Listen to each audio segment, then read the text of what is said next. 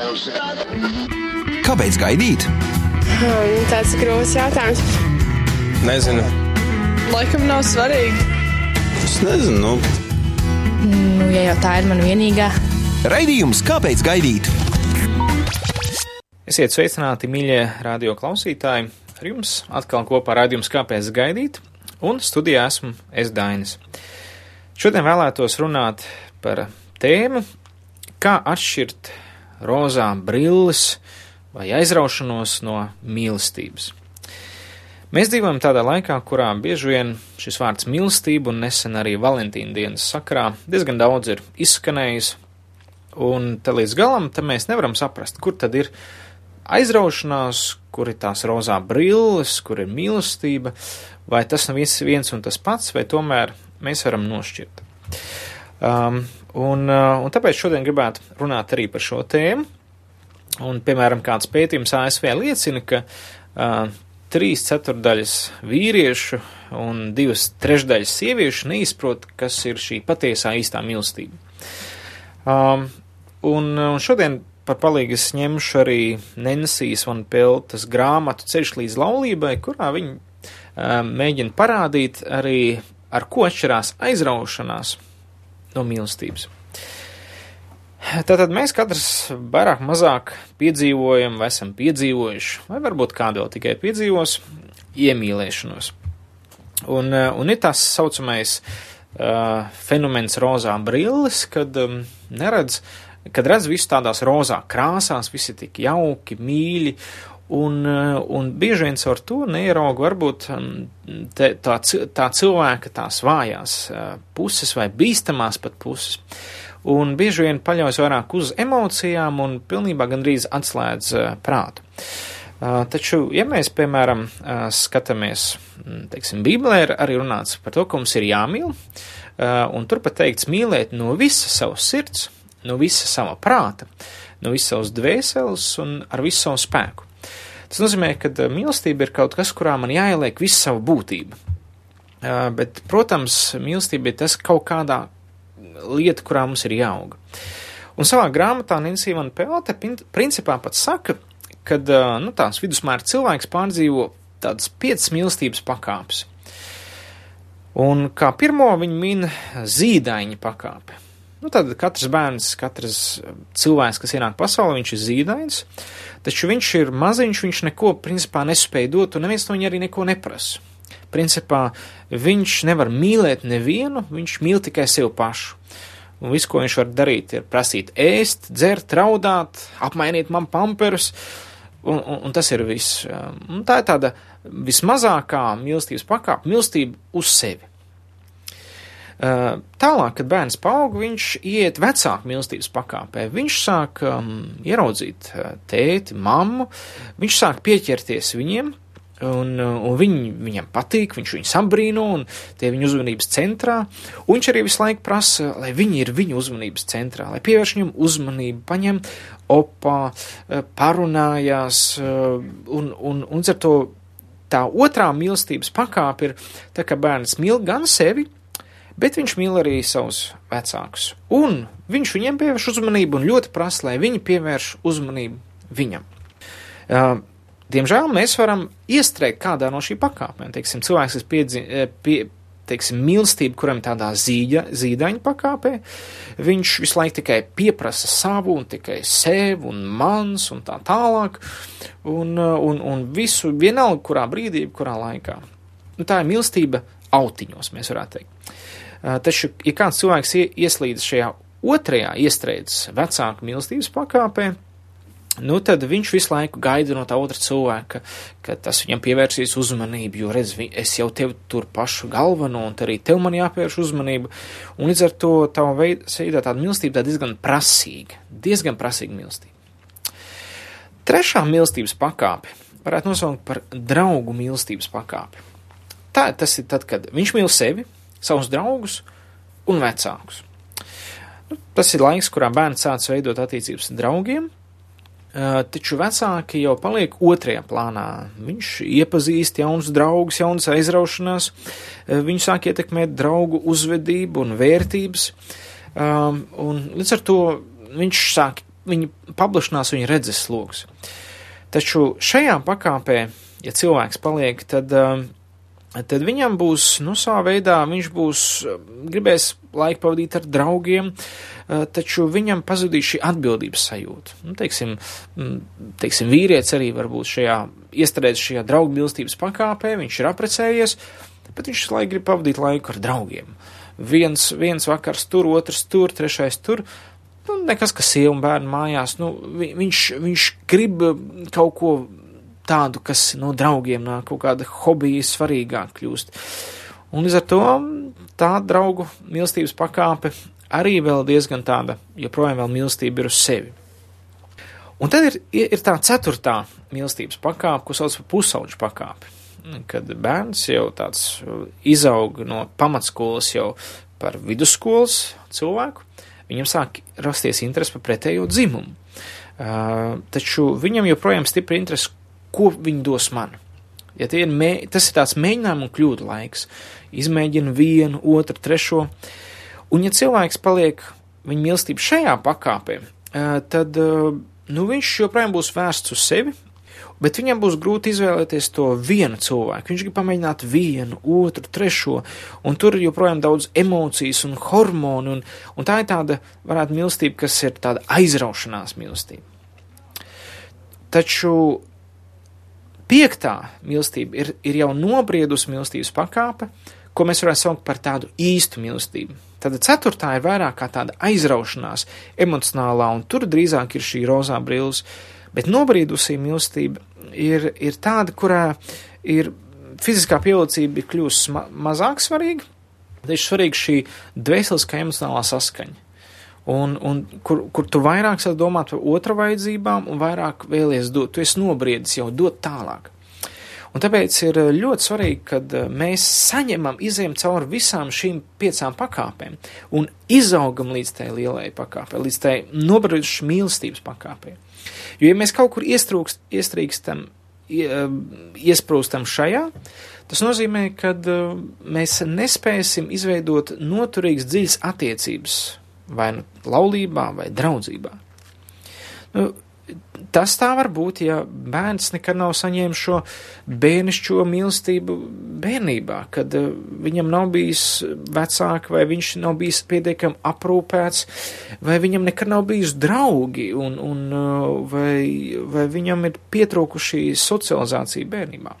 Tas ir to ļoti svarīgi saņemt mīlestību. Sākotnēji no zīdoņa kājas saņemt, saņemt, saņemt līdz beigās tā tev veidojas, un tu vari sākt jau dot tālāk.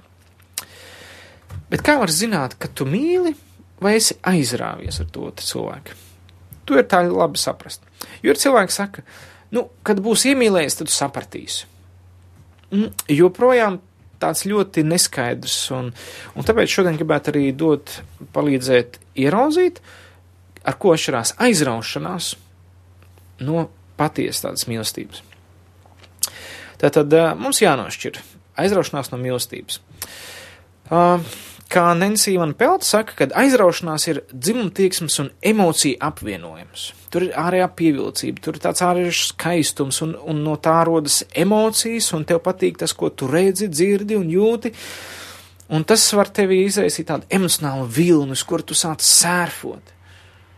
Taču jāatcerās, katrs vilnis reiz beidzās. Viņš tiek izskalots krastā. Līdz ar to aizraušanās vienmēr saistīta ar sajūtām, ar aizkustinājumu, ar kaut ko tādu.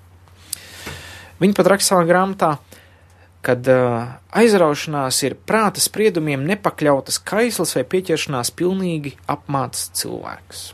Tad cilvēks, kurš uh, klausās vairāk savās emocijās, ne, ne, ne ar prātu vairs nepieslēdz. Vienkārši ļaujās emocijām, ļaujās tai kaislei. Uh, taču ir kādreiz ļoti grūti tomēr atšķirt emocionālā līmenī, jo daudz emocijas var būt līdzīgi gan aizraušanās gadījumā, gan mīlestības gadījumā. Nu, piemēram, ir trīs tādas lietas, kas var būt gan vienā, gan otrā - kaislība, tuvība un dīvainas sajūtas. Taču var būt arī šīs lietas bez patiesas mīlestības, nu, piemēram, kaislība. Cilvēks var tik ļoti aizrāvies ar kaisli, ar to fizisko kad ka viņš var pilnīgi pat nedomāt par mīlestību, par otru vērtībām, viņš vienkārši ir aizrāvies, viņa ķermeņa instinkti ir ņēmuši virsroku. Taču kaisla var būt arī patiesā mīlestībā. Patiesās vīru un sievas attiecībās tas pat ir ļoti labi. Tuvība, jā, tas, kad gribās būt kopā ar cilvēku, tas ir labi, bet tas nevienmēr nozīmē, ka tā ir patiesa mīlestība. Cilvēks saka, man tik ļoti gribās viņu būt kopā, būt kopā, būt kopā. Labi, taču ir svarīga, kāda ir motivācija. Motivācija var būt arī tāda baidīšanās palikt vienam. Labāk tad es esmu ar viņu, kaut arī viņš smēķē un alkoholu lieto vai lamājās ik pa laikam, bet, bet es negribu palikt viens, es labāk būšu tad vismaz ar viņu, vismaz ar kādu. Un tur vairs nav runa par mīlestību, bet tur ir runa par bailēm. Tur tā nav patiesa mīlestība. Līdz ar to cilvēkam, kurim bail palikt vienam, viņš var, teiksim, sajaukt šīs lietas. Vai ir cilvēki, kuriem ir ļoti liela tukšuma sajūta, ka otrs vairs nav blakus. Bet varbūt tāpēc, ka viņš tik ļoti pieradis pie tā cilvēka vienkārši klātbūtnes un, un ir interesanti, bet tas nenozīmē, ka viņš viņu mīl. Līdz ar to varbūt arī tuvība, vēlme būt tuvu, bet bez mīlestības. Un, protams, arī trešā lieta - dīvainas sajūtas. Ļoti daudz dažādas dīvainas sajūtas ir, te, kad eh, mēs satiekam kādu otru cilvēku. Varbūt citi saka tauriņi vēderā, citi vēl kaut ko. Uh, nevienmēr tauriņu vēderā liecina par mīlestību. Uh, tās ir sajūtas. Ja? Un nedaudz vēlāk runāsim par vairākiem mīlestības veidiem. Uh, un, un līdz ar to ir svarīgi nošķirt. Tātad patiesībā mēs varam tagad minēt. Tātad Bībelē minēt divi vārdi, kas apzīmē mīlestību.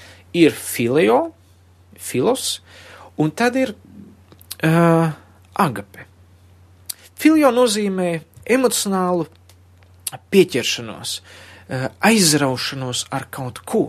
Filio. Teiksim, ir cilvēki, kur aizraujās ar gudrību, un viņi kļūst par filosofiem. Uh, Ja? Sofija ir gudrība, vai citi filantropi. Viņi tik ļoti aizraujās ar ziedošanu, ka viņi mīl cilvēku. Stropus ir cilvēks. Filantropija. Un, un, un līdz ar to tāpat arī var būt tāda aizraušanās ar cilvēku, tāda balstīta uz emocijām, uz ārēju kairinājumu. Taču agapē, ar kuru Bībele saka, ka mums ir agapē, mums ir jāmīl Dievs, un mums jāmīl otrs cilvēks. Tas lietos vārds nevis šis filio, bet agapē. Nekur Bībelē nav teikts, ka mums jāmīl Dievs ar filio mīlestību. Ziniet, mēs dzīvojam tādā laikā, kur arī kristietībā ļoti ienāk filio mīlestību uz Dievu. Bet viņi ir kā tauriņš. Viņš uz vienu brīdi atlido, ir pie tevis, un tad kā aizlido. Un, un tikai viņš aizlido, tev vairs nav mīlestības. Atlido ir mīlestība. Pieņemsim, cilvēks var atnākt uz, pieņemsim, uz dievkalpojumu un, un, un laba mūzika un pielūgs un labas sajūtas un labi mīļi cilvēki un, un ļoti jauka, laba atmosfēra. Bet iziet ārā no baznīcas, viss. Vairs nemīl ne dievu, ne cilvēkus, aiziet vecajā dzīvē. Tāda nav agaps mīlestība. Agapē mīlestība ir tā ar apzināta gribas izvēle darīt otram labu darīt to, kas otram ir vajadzīgs. Un līdz ar to šī agapē ir, ir tā, ar kuru mums ir jāmīl Dievs un tas tuvākais. Tātad tur nav vairs saru, runa par sajūtām. Tu vari justies pilnīgi slikti, bet tu tomēr izdari izvēli, iet un mīlēt. Nu, piemēram, mēs varam skatīties uz Jēzu Kristu. Ģedzemanas dārzā, kādas sajūtas viņam bija? Bailes, sviedri tecēji, Ja? Dažādas, ne, varbūt pat neziņu un, un, un apjukums, bet viņš izdarīja izvēli. Es iešu Dievs un atdošu savu dzīvi par citiem. Tad, tad nebija nekādas sajūta līmenis, bija tikai tīrs agapē. Tātad uh, izvēle mīlēt, mīlēt.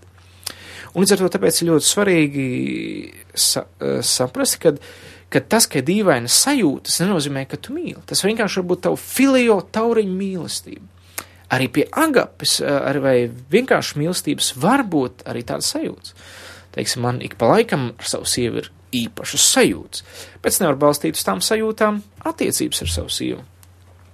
Nu, pieņemsim, man ir reizes, kad mums ir brīvdiena kopā ar sievu, un lietas, ko ir jādara mājās, ir lietas, ko es gribu darīt mājās, un lietas, ko man sieva gribētu, lai es izdaru priekš viņas mājās.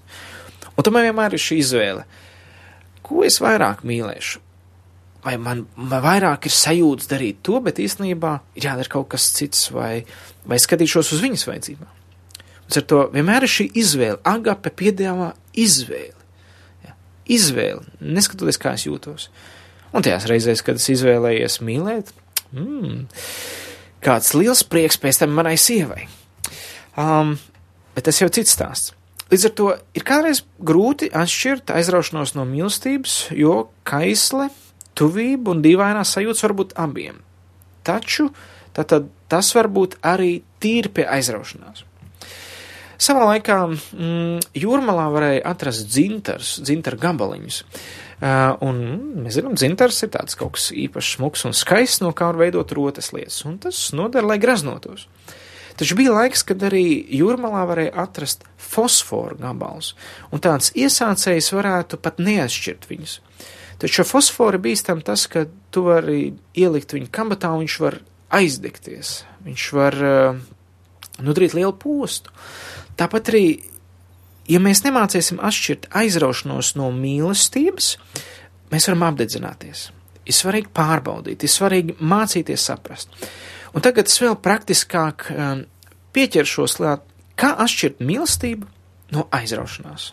Un atkal izmantošu uh, Nensijas un Peltes uh, grāmatu Ceļš līdz laulībai. Jo tā bija labākā la, ra, lasām viela, ko es atradu tieši par šo tēmu, kā atšķirt. Es izlasīšu kādas uh, 12 tādas atšķirības, un, un es ceru, ka kāda no šīm atšķirībām varbūt pat tu sāks ieraudzīt savā, savā dzīvē. Pirmā. Mīlestība parasti attīstās lēnām, aizraušanās ir strauja. Tad mīlestība ir kaut kas, kas aug, tā ir tendence augt, tā ir, ir dziļāka, plašāka, augstāka. Ja? Līdz ar to tā ir tā, kurai vajag laiku. Aizraušanās bieži vien pēkšņi. Tu ieraugi, un tev pa galvu tā kā emocionāli iedod rāmuru, amoru būtiņi, kā mūsdienās saka, iešauj sirdī, un viss tu vairs nevar neko darīt. Nabaks es iemīlējies. Taču tā ir bieži vien aizraušanās. Aizraušanās ar to cilvēku, ar to emocionālo, jo tur nāk līdzi mm, idealizācija pa otru cilvēku. Līdz ar to, bet, lai patiesi mīlētu otru, ir jāiepazīst.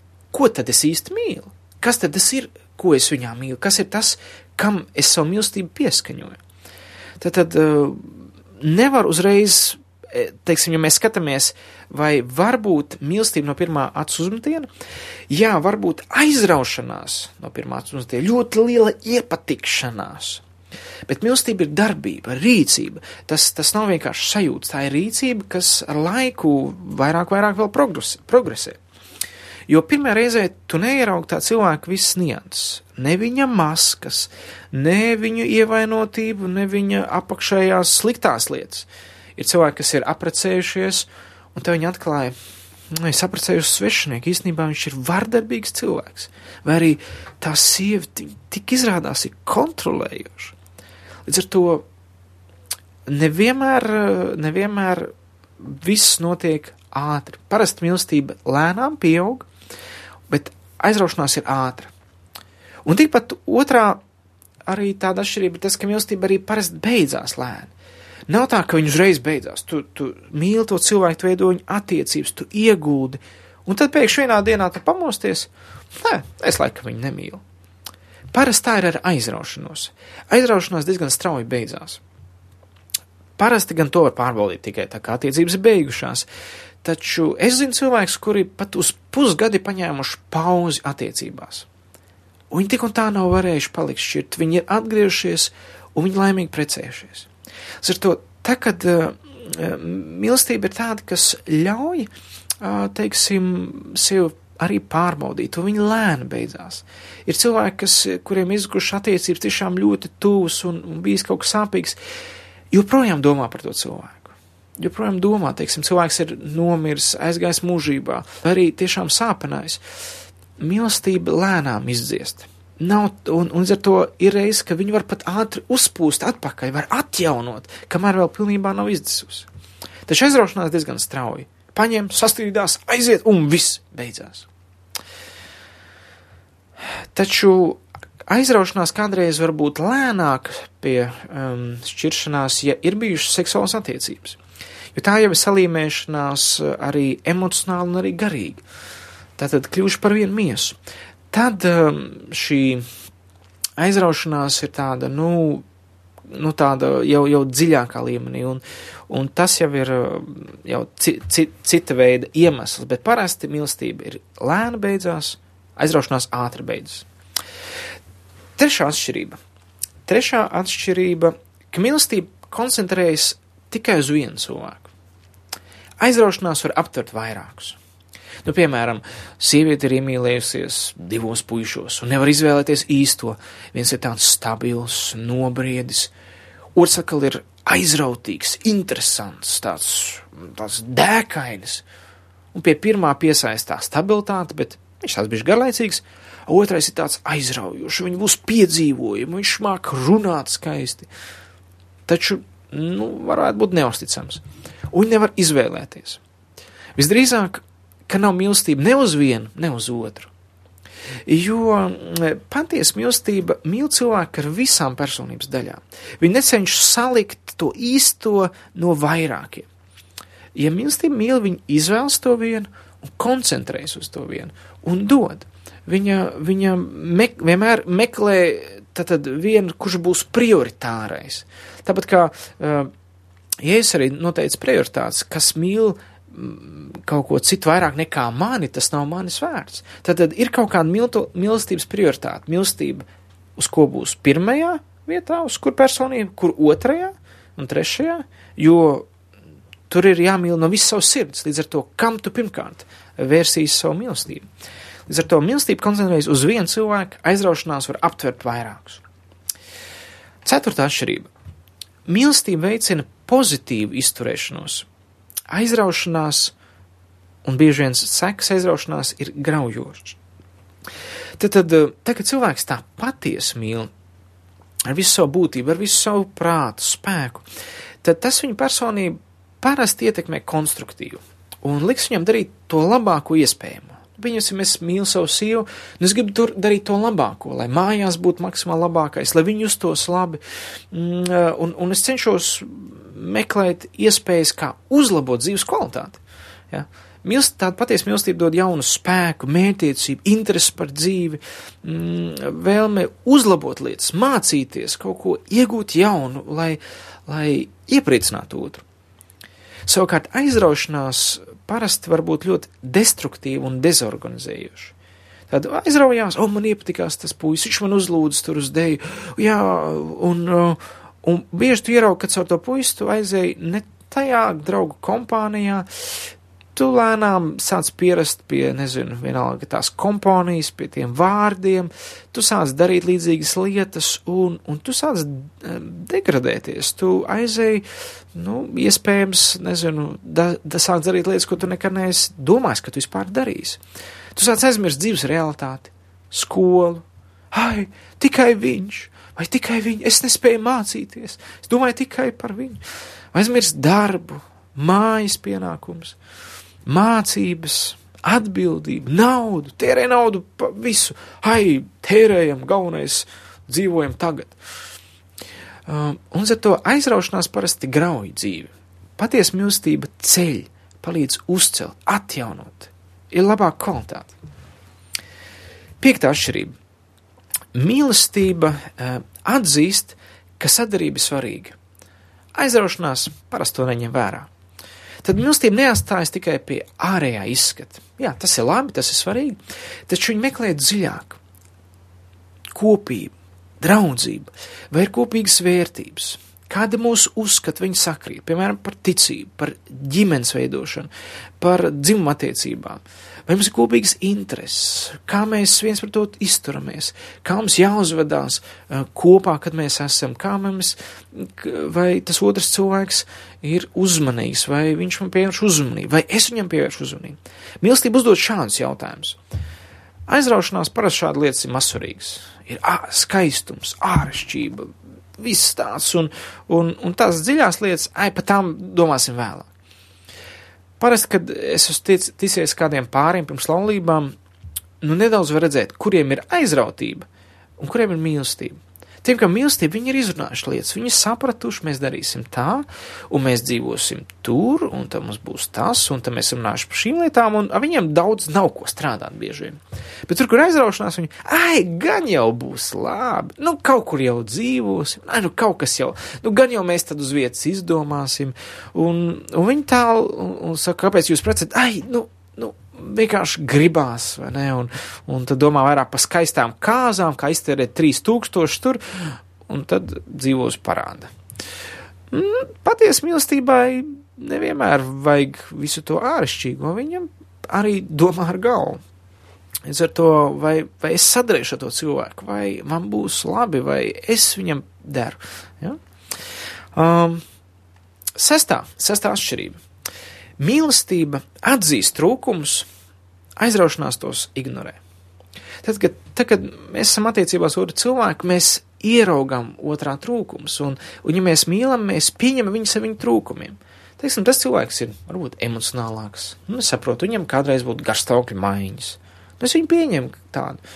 Vai arī viņš ir tāds, nu, tāds ļoti darbīgs praktiķis, un saprotu, ka viņš kādreiz var, nu, aizrauties tik ļoti saviem darbiem, ka cilvēki paliek nenovērtēti, bet es pieņemu, nu, viņš ir tāds darītājs. Citi atkal varbūt ir tādi domātāji, viņi var ieslīgt tādā sevis, eh, tādā kritizēšanā un, un visu grib pedantiski un kārtīgi, un mīlestība to ņem vērā un pieņem. Iemīl arī to personības daļu. Taču uh, aizraušanās vienkārši ignorē. Ai, nekas tur jau, man jau nav svarīgi, vai viņš tur tāds ir vai nav, nu, man nav svarīgi, ka viņam tāds trūkums.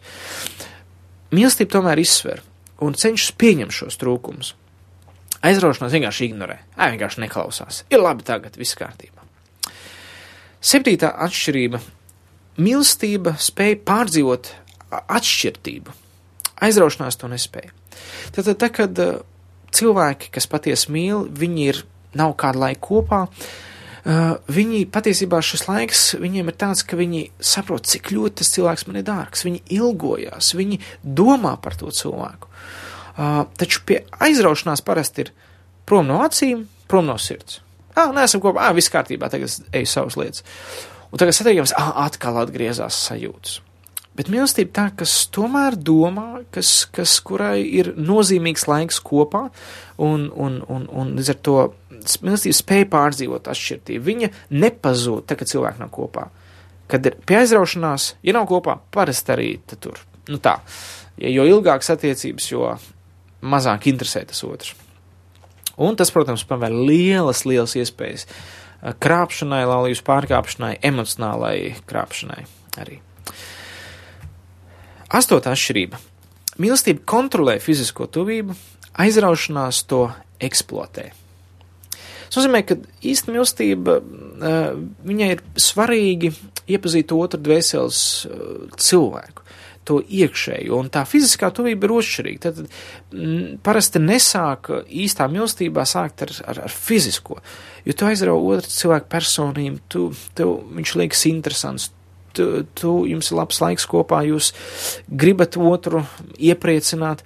Un turpat šīs fiziskās lietas ir mazsvarīgas. Nu, tur redzi, jā, jauka, skaista meitene vai jauka, skaists puisis, bet, bet tev, ir, tev ir dvēseles tuvība, tev ir kaut kas um, dziļāks kā tikai fiziskais. Savukārt, um, pie aizraušanās parasti šis fiziskais tiek eksploatēts. Tur ir piezraušanās, ir uh, fiziskais ir diezgan nu, svarīgs. Viņš nospēlē tādu galveno lomu, tu aizraujies viņas izskatu, kā viņa smaržo, nezinu, vai uzvedās, vai kā tas vīrietis tev aptekalē un tā tālāk. Un, un kādā mašīnā viņš sēž, un, un ir kādas meitenes, kas gatavs, oh, iet tam puisim līdz tāpēc, ka viņš brauc ar Bentliju vai brauc ar vēl kaut ko tur. Un līdz ar to aizraujas ne jau tāpēc, ka cilvēks interesē, bet tas āršķīgais, tas ir kaut kas tāds, wow, kas rada emociju. Ja, un līdz ar to arī grūti kontrolēt to fizisko. Un tad, kad aiziet tas fiziskais, tad dvēsele paliek bieži vien tukša. Devīta atšķirība - mīlestība nemeklē savu labumu. Aizraušanās ir sautīga. Tad, tad uh, mīlestība mīl neatkarīgi no jūtām. Es jūtos labi vai jūtos slikti. Es izvēlos dot viņam. Es meklēju otra vajadzību. Es mēģinu meklēt, palīdzēt, mainīties dēļ tā otra cilvēka. Savukārt aizraušanās bieži vien būtu ļoti kašķīga, ja tāda pat, pat, pat greizsirdīga. Jā, pie aizraušanās parasti ir, kas saka, solis no uh, mīlestības līdz naidam. Jā, ir viens solis no mīlestības līdz naidam. Tas parasti izklausās vairāk pēc aizraušanās. Kad, nu, jo es nedomāju, ka Dievs vienā brīdī mani mīl, un kad sagrāku, pēkšņi tagad man ienīst. Līdz ar to es nedomāju, ka agabas mīlestība ir tāda, kas pēkšņi mīl un pēkšņi kaut no ienīst. Nē, patiesa mīlestība pārdzīvo. Viņai sāp, ja kaut kas noticis, ja otrs ir nodevis. Taču aizraušanās tā gan ir. Ha, ak tā, nu tad es aizeju, un ja tā, nu tad būs tā. Un, un, un aizraušanās tad sautīgi. Ak, tu man neizpatiks, ak, tu man nepaklausi, tad tu man nemīli, nu tad es eju prom. Tas ir tipiski pie aizraušanās. Desmitā atšķirība. Mīlestību parasti atbalsta tavu ģimeni un draugi. Aizraušanos parasti neatzīst. Es esmu redzējis vairākas reizes, kad uh, puisis atved mājās meiteni, un vecāki oh, mm, mocās, un, un tu redz, ka nesadar kopā, un, un, un draugi to redz, un citi to redz, bet, nu, tev jau ir rozā brilles, tu jau neklausies, tu jau vienkārši ej un saki, es viņu izmainīšu, ne, viņa ir īstā, ne, viņa nav vienkārši īstā, viņa ir tev pirmā, un tev vienkārši ir aizraušanās iespējams. Bet parasti vecāki un draugi vai brāļmās ieraug, vai tas derēs, vai tas cilvēks derēs. Atceros, kad es pirmo reizi satikos ar lien, manas sievas lienas radiniekiem, viņi man diezgan, es biju pārsteigts, diezgan ātri pieņēma. Jā, pie, un pieņēma arī manu vecāku, manu sievu diezgan viegli. Un līdz ar to tur ir kaut kas tāds, kur, kur tomēr vecāki kaut kā redz un kaut, kaut, tomēr viņu gēni arī kaut kā reaģē uz to otru cilvēku. Vai viņi redz, ka tā būs daļa no tavas dzīves, vai tomēr tā ir vairāk kā aizraušanās. Ir kāda statistika, kas liecina, ka laulības, kurām nav dota vecāku svētība, ir mazāk veiksmīgas. Tad, tad ne, ne, nevienmēr, ne simtprocentīgi, jo varbūt dažādi vecāki, jā, dažādas motivācijas viņiem, kāpēc viņi ko saka, bet parasti tomēr tas palīdz, palīdz paskatīties, ko teica vai mamma saka par manu otru cilvēku. 11. atšķirība. Mīlestība rada drošību, aizraušanās izraisa nedrošību. Tagad ir patiesa mīlestība, tad tu, tu vari uzticēties. Tur ir uh, drošība, līdz ar to tāda brīvība. Uh, un, un tur nav kaut kādas, ka tūlīt attiecības izjūgs, tūlīt attiecības izjūgs. Bet aizraušanās parasti ir tiešām tāda kontrolēta caur greizsirdības scēnām, tāda manipulācija, kontrola, un ka tu visu laiku baidies, vai, vai, viņu, vai viņš tev neatstās, vai viņi neatstās, vai ne, viņš pēkšņi neiz, neizmainīs savu attieksmi pret mani. Uh, Un, un tur, kur tādas bailes, tad tur ir nedrošība, tur nav spēja pilnībā uzticēties. Bet tur, kur ir patiesa mīlestība, tur ir drošības sajūta, tur ir miers, tur ir kārtība, tur ir skaidrs, vairāk kāda cilvēka attieksme, tu esi to piedzīvojis, tu esi pārliecinājies par viņu mīlestību, darbībā, un tas ir ļoti svarīgi. Un 12. pēdējā atšķirība - mīlestība apzinās realitāti, aizraušanās to ignorē. Ehm, kā teikts, mīlestība priecājas par patiesību, ja viņi vienmēr ir gatavi pastīties problēmai acīs, kamēr aizraušanās to ignorē. Tātad, ehm, tātad mīlestība skatās, grib uzzināt, kā tad tur īsti ir.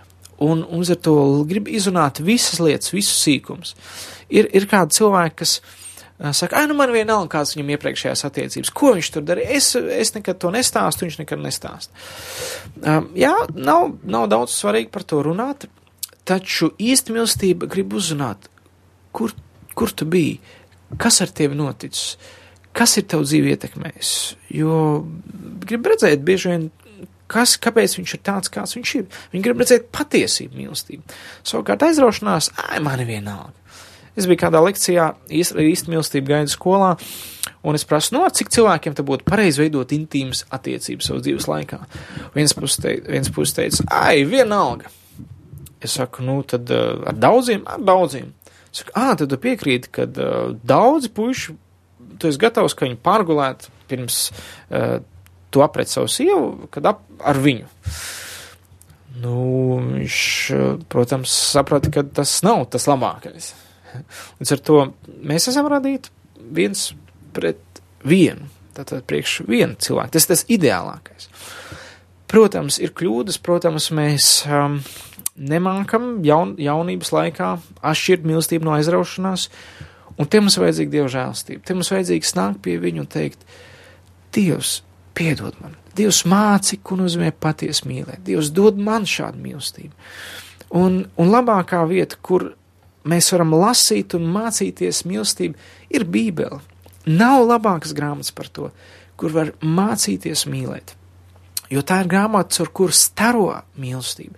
Tur viss ir caurstrāvots ar mīlestību. Pat ja liekas, ka tur ir bargs sots, tad tas ir sots, kas nāk aiz mīlestības. Jo Bībele saka, ko Dievs mīl, to viņš pārmāca.